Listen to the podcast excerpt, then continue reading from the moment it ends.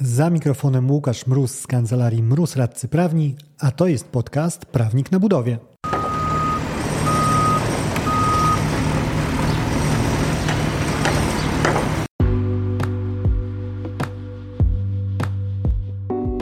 Z tej strony mikrofonu radca prawny Łukasz Mróz, a to jest podcast Prawnik na Budowie, w którym mówimy o wszystkim, co związane z kontraktami budowlanymi. Czy strony mogą w umowie uzależnić zapłatę wynagrodzenia od przedstawienia przez wykonawcę kompletu oświadczeń podwykonawców o rozliczeniu ich wynagrodzeń? Takie pytanie postawiłem w kolejnej ankiecie, którą odpaliłem na swoim profilu na LinkedIn. Pytanie zdawać by się mogło o odpowiedzi całkiem prostej, ponieważ no, na dzień, kiedy nagrywam ten odcinek, to rozkład odpowiedzi jest 68% za jak najbardziej, 32% natomiast za nie przejdzie. W praktyce w paragrafach umów regularnie można spotkać postanowienia zmierzające właśnie do wywołania skutków w postaci zaciągnięcia hamulca ręcznego, jeżeli lojalek podwykonawców brak. Ale co ciekawe, od sądów oceniających spory można usłyszeć zarówno, że takie rozwiązanie jest nieważne, jak też, że jego zastrzeżenie było w pełni skuteczne. Diabeł swoim zwyczajem tkwi w szczegółach. I tym szczegółom właśnie chciałem poświęcić ten odcinek. Posiłkując się przy tym dwoma wyrokami Sądu Apelacyjnego w Gdańsku, wyrokami, które na pierwszy rzut oka zdawać się mogą o 180 stopni sprzeczne od, ze sobą. W jednym z nich bowiem sąd przyjął nieważność klauzuli umownej, a w drugim uznał, że nie narusza ona prawa. Jak do tego doszło w obu tych przypadkach? Zacznijmy od sytuacji, która skończyła się uznaniem, że w przypadku klauzul, które uzależniają zapłatę wynagrodzenia od przedstawienia lojalek podwykonawców, sąd powiedział takie stanowcze You shall not pass, niczym Gandalf. Sytuacja bardzo typowa. Spór podwykonawcy z generalnym wykonawcą co do tego, czy są podstawy do obciążenia podwykonawcy karami umownymi, czy też nie. W związku z tym wykonawca sądząc, że takie podstawy jak najbardziej występują, tego obciążenia dokonuje, podwykonawca się z nim nie godzi, co za tym idzie, nie chce mu wystawić oświadczenia o niezaleganiu, twierdząc, że wobec nieskuteczności potrącenia takie nieuregulowane wynagrodzenie jak najbardziej istnieje. Tutaj sytuacja była o tyle klarowna, że w trakcie sporu, w którym sądził się wykonawca z inwestorem o zapłatę pieniędzy, doszło w międzyczasie już do rozstrzygnięcia tego konfliktu między podwykonawcą a wykonawcą co do tego, czy rzeczywiście były podstawy do obciążenia podwykonawcy, czy też nie. Zwycięsko z tego sporu wyszedł wykonawca, czyli już na etapie procesu z inwestorem miał podkładkę na to, że jak najbardziej miał prawo do wstrzymania płatności, czy może nawet ciężko tu mówić o wstrzymaniu. Wygasił część wynagrodzenia, w związku z tym w tym zakresie pieniądze można powiedzieć, że wypłacił notą obciążeniową. A w ostateczności prowadzi to oczywiście do tego skutku, że podwykonawca, odmawiając wystawienia tego oświadczenia o niezaleganiu, działał bezpodstawnie. I z tak zakreślonym horyzontem wejdźmy w rozważania sądu apelacyjnego. Stwierdzał on, odnosząc się do konkretnego postanowienia umownego, które nawet przytoczę, żeby e, ta wartość tego odcinka była taka bardziej uchwytna i namacalna. Paragraf umowy, który stanowił, że oświadczenia podwykonawców o opłaceniu przez wykonawcę wszystkich wymagalnych zobowiązań na dzień wystawienia faktury VAT przez wykonawcę zamawiającemu dotyczące realizacji przedmiotu niniejszej umowy są elementem koniecznym, żeby wykonawca uzyskał płatność. I tego właśnie postanowienia kurczowo trzymał się inwestor, odmawiając wykonawcy zapłaty. Sąd stwierdził jednak, że ten paragraf w żadnym wypadku nie pozwalał na przyjęcie tego, że roszczenia wykonawcy, czyli jego żądanie zapłaty wynagrodzenia, jest przedwczesne, ponieważ nie mogło być jeszcze wymagalności, bo do tej wymagany był papier od podwykonawcy. Sąd zgodził się wprawdzie z tym, że jak najbardziej mamy wolność umów, możemy dogadywać się co do tego, w jakim terminie będziemy się rozliczać. Ale następuje tu tak istotne ale, które w tym przypadku odwróciło e, rolę tej wolności umów, ponieważ sąd zgadza się, że nie widzę tu przeszkód, drogie strony, żebyście ustaliły sobie zasady i terminy płatności, ustalając na przykład, że wymagalność nastąpi po wystawieniu i doręczeniu faktury, a nawet dorzucając tam jakieś inne elementy, mówiąc o zdarzeniach przyszłych. Sęk jednak w tym, że nie ma tutaj takiej zupełnie dowolności. Jeżeli łapiecie jakieś wydarzenie przyszłe, to musi być ono nie tylko przyszłe, ale i pewne. Natomiast takiego standardu nie spełnia powiązanie obowiązku z zapłaty z zachowaniem osoby trzeciej. Bo sąd stwierdza, że w takim przypadku ok, to jest przyszłe, ale w żadnym wypadku pewne już nie jest. A to z kolei prowadzi do naruszenia ekwiwalentności świadczeń stron, czy to mówiąc prościej, sytuacji stron, gdzie wykonawca zrealizuje roboty, ale nie będzie pewien, czy otrzyma należne mu za nie pieniądze. Sytuacja w tym miejscu jest dla sądu banalnie prosta, co wyraża też banalnie prostym stwierdzeniem, że po niespornym wykonaniu przez wykonawcę robót, zamawiający był obowiązany do zapłaty na jego rzecz wynagrodzenia. Są prace, powinny być pieniądze. I znowu odnosząc się konkretniej do uzasadnienia wyroku sądu, ponieważ musiał on jakoś wskazać, dlaczego właściwie nie zgadza się na to, żeby stronom przyznać kompetencje do skutecznego wpisania tego, co wpisały, czyli uzależnienia przelewu wychodzącego z banku inwestora na rzecz wykonawcy od odpowiednich dokumentów wchodzących z kolei od wykonawcy do inwestora, czyli od lojalek podwykonawców właśnie. Sąd stwierdził, że ten mechanizm, który wprowadziły sobie umowy, czyli wymaganie, e, uzależnienie zapłaty wynagrodzenia od oświadczenia podwykonawców o opłaceniu przez wykonawcę wszystkich wymagalnych zobowiązań na dzień wystawienia faktury VAT przez wykonawcę zamawiającemu, jest sprzeczne z ograniczeniem zasady swobody umów, która, jak mówiłem, no, ta wolność absolutną nie jest, a mianowicie tutaj element interesujący praktycznie tylko dla prawników. Sąd ujął, że to, co mu się tutaj kłóci, to właściwość, czyli natura stosunku prawnego. Ten element z 353 z indeksem 1 według sądu jest naruszony takim postanowieniem. I jako taką praktyczną podbudowę pod te swoje mocno prawniczo-teoretyczne wywody, sąd dodał taką sytuację, którą sobie hipotetycznie postawił, w której podwykonawca bezpodstawnie odmawia złożenia oświadczenia o, o niezaleganiu. Co zresztą, jak podkreśla sąd, miało właśnie miejsce w tym sporze, gdzie okazało się, że w ostatecznym rozrachunku roszczenia podwykonawcy wobec wykonawcy zostały oddalone, co potwierdziło, że nie miał on racji odmawiając wykonawcy wystawienia właściwego kwitu.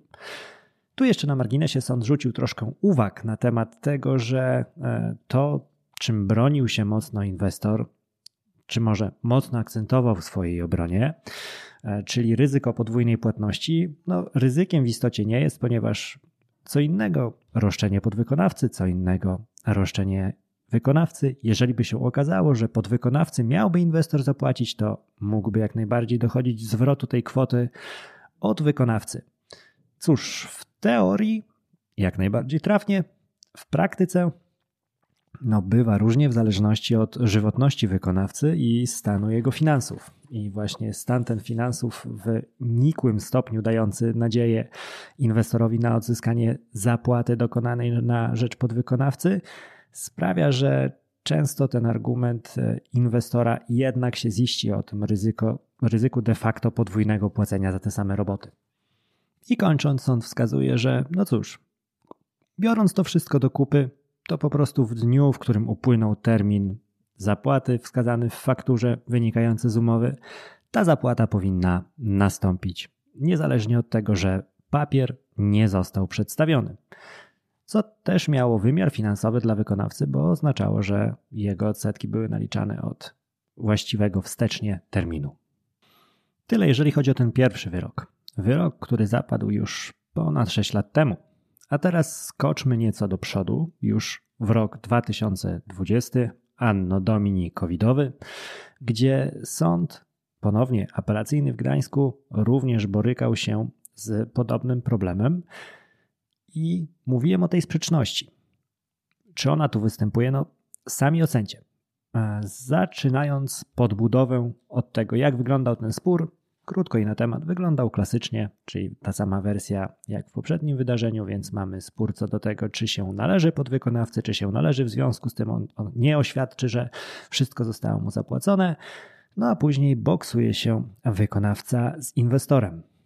I na starcie, jaki mały off-top, bo całkiem taki sympatyczny smaczek, z sądu okręgowego, który najpierw zajmował się tematem. Sądu, który odwołał się właściwie do tego wyroku, który przed chwilą opisałem, i jak najbardziej przyjął również, że warunkowanie zapłaty wynagrodzenia od złożenia oświadczeń podwykonawców jest sprzeczne z naturą umowy o roboty budowlane. W związku z tym nie może taka wymagalność pieniędzy wykonawcy zależeć od zachowania podwykonawcy polegającego na złożeniu przez niego oświadczenia. I tym ciekawym smaczkiem, przy którym specjalnie bym się zatrzymał, chociaż e, jest to troszkę e, nieco z boku tego odcinka, e, jest to, że Sąd Okręgowy uznał, że taki, taka sprzeczność zachodzi nie tylko pomiędzy tym wymogiem składania lojalek, ale nawet pomiędzy wymogiem zatwierdzenia miesięcznego rozliczenia wykonawcy przez nadzór inwestorski. Ponieważ był tu mechanizm znany z szeregu umów e, pod różnymi postaciami, czyli mechanizm jest ten sam, tylko nazwy dokumentów są inne. Akurat tutaj strony tytułowały ten dokument miesięcznym rozliczeniem wykonawcy, ale było to nic innego jak klasyczny protokół przerobowy.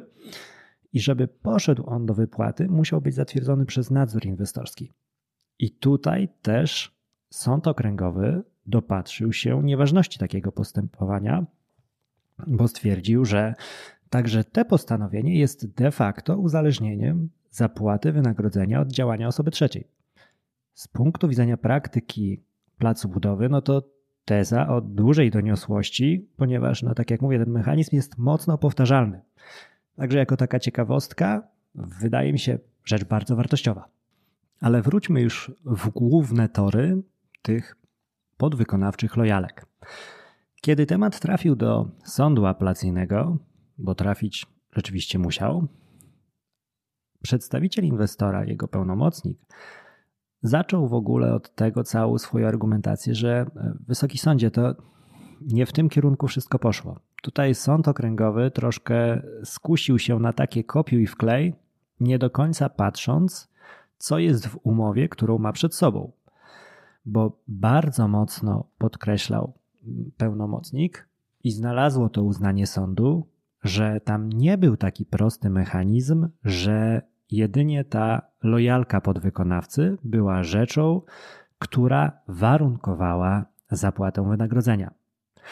Rzeczą tą, jak bił mocno cały czas pełnomocnik, było przewidziana w umowie możliwość wstrzymania się z zapłatą wynagrodzenia do czasu zapłaty przez wykonawcę zobowiązań wobec jego podwykonawców. I tutaj upatrywał dużej różnicy jakościowej inwestor i z jego zapatrywaniem zgodził się sąd. I dlaczego się zgodził? Sąd generalnie nie kwestionował tej argumentacji przytoczonej przez zresztą sąd okręgowy wcześniej i wyrażonej przez sam sąd apelacyjny w Gdańsku, tej dotyczącej osób trzecich, dotyczącej uzależnienia od zdarzenia przyszłego i niepewnego zapłaty wynagrodzenia i całej wiążącej się z tym otoczki argumentacyjnej. Czyli sąd apelacyjny wyjściowo mówi: OK, ja się zgadzam z tym poglądem, który przytoczył chociażby sąd okręgowy w swoim wywodzie. Sęk w tym, że w tym wywodzie sąd okręgowy za szybko przestał czytać umowę. Za szybko też w konsekwencji postawił kropkę, ponieważ zauważa sąd apelacyjny, że w tym paragrafie kluczowym dla rozstrzygnięcia sprawy, tam w umowie strony sobie zapisały rzeczywiście, tam jest odwołanie się do tych dokumentów podwykonawcy, do jego oświadczeń o niezaleganiu, ale później jest dalsza część tego i po lub następuje odwołanie się do tego, że stwierdzony został fakt zalegania przez wykonawcę z zapłatą wynagrodzenia dla podwykonawcy, przy czym w tym kontekście Tym zdarzeniem, które powodowało wymagalność roszczenia powoda, mówiąc prościej, odblokowywało jego pieniądze, była zapłata wynagrodzenia podwykonawcom. Może przenosząc to na konkretne sformułowania umowy, znowu, żebyśmy rozmawiali o tym, co najbardziej mięsiste w tej sprawie. Jak brzmiał ten sporny paragraf umowy? Troszkę długie, więc mobilizujemy koncentrację. W związku z solidarną odpowiedzialnością zamawiającego i wykonawcy, o której mowa w artykule 647 z indeksem 1 kodeksu cywilnego, w przypadku braku oświadczeń lub oświadczenia tego o niezaleganiu i tutaj jest powiedzmy pierwsza część, czyli ta bezspornie mm, niewłaściwa, bezspornie przynajmniej w ocenie sądu apelacyjnego, czyli on tu nie miał konfliktu z tym, że się nie zgadza, ale później następuje ta dalsza. Lub w przypadku zgłoszenia przez podwykonawcę lub stwierdzenia przez zamawiającego choćby jednego faktu nieuregulowania podwykonawcom należności z tytułu zleconych im robót, zamawiający zastrzega sobie prawo do wstrzymania wykonawcy płatności w całości lub w odpowiedniej części do czasu uregulowania przez wykonawcę wszystkich wymagalnych zobowiązań należnych podwykonawcom. Czyli tutaj, mówi sąd, to nie było tak, że losy wynagrodzenia wykonawcy były w rękach podwykonawców. Te losy były tylko i wyłącznie w jego rękach, ponieważ działaniem, które uzależniało odblokowanie całej płatności wykonawcy, było rozliczenie przez niego wynagrodzeń podwykonawców. I to w ocenie sądu apelacyjnego w żadnym wypadku nie jest te zdarzenie przyszłe i niepewne, czyli zachowanie osoby trzeciej, z którym powiązana jest zapłata wynagrodzenia, ale jest to działanie z samej strony zainteresowanej uzyskaniem wynagrodzenia, czyli wykonawcy. I w takim uregulowaniu tematu, według sądu apelacyjnego, w żadnym wypadku nie ma przesłanek do przyjęcia, że naruszono zasady swobody umów z artykułu 353 z indeksem 1 kodeksu cywilnego i było to jak najbardziej skuteczne rozwiązanie umowne, na które strony mogły sobie pozwolić i skutecznie sobie pozwoliły. I teraz tak, kilka uwag na boku tego ustalenia. Znowu, rzucając tak jak Leonardo DiCaprio w Incepcji, musimy zejść głębiej. Trzeba by się zastanowić i trzeba by badać w konkretnym przypadku, jeżeli nawet użyjemy sobie tej ogólnej formuły o tym, że przesuwamy ciężar nie na dokumentowanie formalne przez podmiot trzeci tego, że on nie ma zobowiązań, czytaj podpisanie przez podwykonawcę, że ja od ciebie, inwestorze, już niczego nie będę chciał, ale przesuwamy go w miejsce realnego rozliczenia wynagrodzenia, no to można się zastanawiać, jak to zostało ujęte i jak to mogłoby zostać ujęte. Chociażby różnicując to, czy mówimy tutaj o wymaganiu od wykonawcy, żeby każda płatność po prostu była wykonywana na rzecz podwykonawców w całej nominalnej kwocie. Jeżeli jakieś roboty zostały wykonane w danym zakresie, nie kwestionujemy samego faktu przerobu i wartości robót, to płacimy te mm, wynagrodzenie podwykonawcy, a jeżeli twierdzimy, że przysługują nam jakieś roszczenia jako wykonawca, no to realizujemy je już na drodze odrębnej, chociażby powództwa, no bo przecież potrącenie w strzale składane być nie musi. I w tym kierunku mogę ze swojego doświadczenia powiedzieć chociażby, że inwestorzy czasami zmierzają. Być może inwestorzy, którzy znaleźli się w sytuacji takiej jak ta określona e, w, w tych przywołanych przeze mnie wyrokach, a może po prostu tacy, którzy zdobyli się na taką refleksję gdzieś w zaciszu swoich gabinetów albo podszepnięte zostało, co bardziej prawdopodobne, przez ich obsługę prawną. A może był to jednak określony inaczej scenariusz, bardziej ogólnikowe postanowienia, wskazujące po prostu na to, że tym zdarzeniem, które warunkuje zapłatę wynagrodzenia, jest rozliczenie się w całości przez wykonawcę z podwykonawcami. Bo w takim przypadku no, drzwi przed wykonawcą są już otwarte szerzej, bo potrącenie bywa, ba, w praktyce często jest bardzo w obrocie budowlanym popularną walutą rozliczeniową, czyli nie polski złoty, a złoty obciążeniowy. W związku z tym taki wykonawca mógłby argumentować, mając odpowiednio ułożone postanowienia umowy, że ok, ja wykazuję całościowe rozliczenie, ponieważ pokazuję potwierdzenie przelewu na kwotę bezsporną, kwotę X, a na Y, czyli na pozostałą wartość tej faktury, proszę bardzo, jest nota obciążeniowa wynikająca z y, chociażby kar umownych za nieterminowe zakończenie robót przez podwykonawcę. I w takim układzie kumuluje się to razem do rozliczenia, no i strony zaczynają się przepychać pewnie co do tego, czy rzeczywiście spełnia to standard umowy, czy też nie. Także sporo tutaj wskazówek takich pozwalających na przenoszenie do swojego know-how kontraktowego. Ciekawych o tyle, że jak pokazują chociażby te moje wyniki ankiety, te mechanizmy związane z wstrzymywaniem zapłaty wynagrodzenia na podstawie lojalek od podwykonawców są w obrocie bardzo popularne. Ta popularność wręcz osiąga taką skalę, że tak siłą rozpędu troszkę chyba przyjmujemy, że rzeczywiście tutaj wszystko jest w porządku i ponieważ wszyscy tak robią, to będzie ok. Ale jak widać po wyrokach, które przytoczyłem, i w żadnym wypadku to nie są jednostkowe jakieś tam wyskoki, ekscesy orzecznicze, ponieważ w jednym i w drugim orzeczeniu sądy powoływały szereg innych wyroków, w których sądy orzekały tak jak właśnie te składy orzekające, które rozpoznawały te sprawy, więc widać, że jak najbardziej jest w czym grzebać. Także życzę Ci udanego grzebania w kontraktach, które prowadzisz.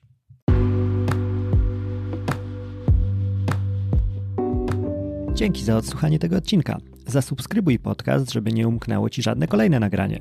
Znajdziesz go w Spotify, Google Podcasts czy Apple Podcasts. Jeżeli natomiast chciałbyś się skontaktować ze mną, napisz na biuromałpa kancelariamroz.pl. Znajdziesz mnie też w mediach społecznościowych. Na LinkedIn wpisując w wyszukiwarce Łukasz Mróz, a w Facebooku czy na Instagramie wpisując Prawnik na budowie. Do usłyszenia w kolejnym odcinku.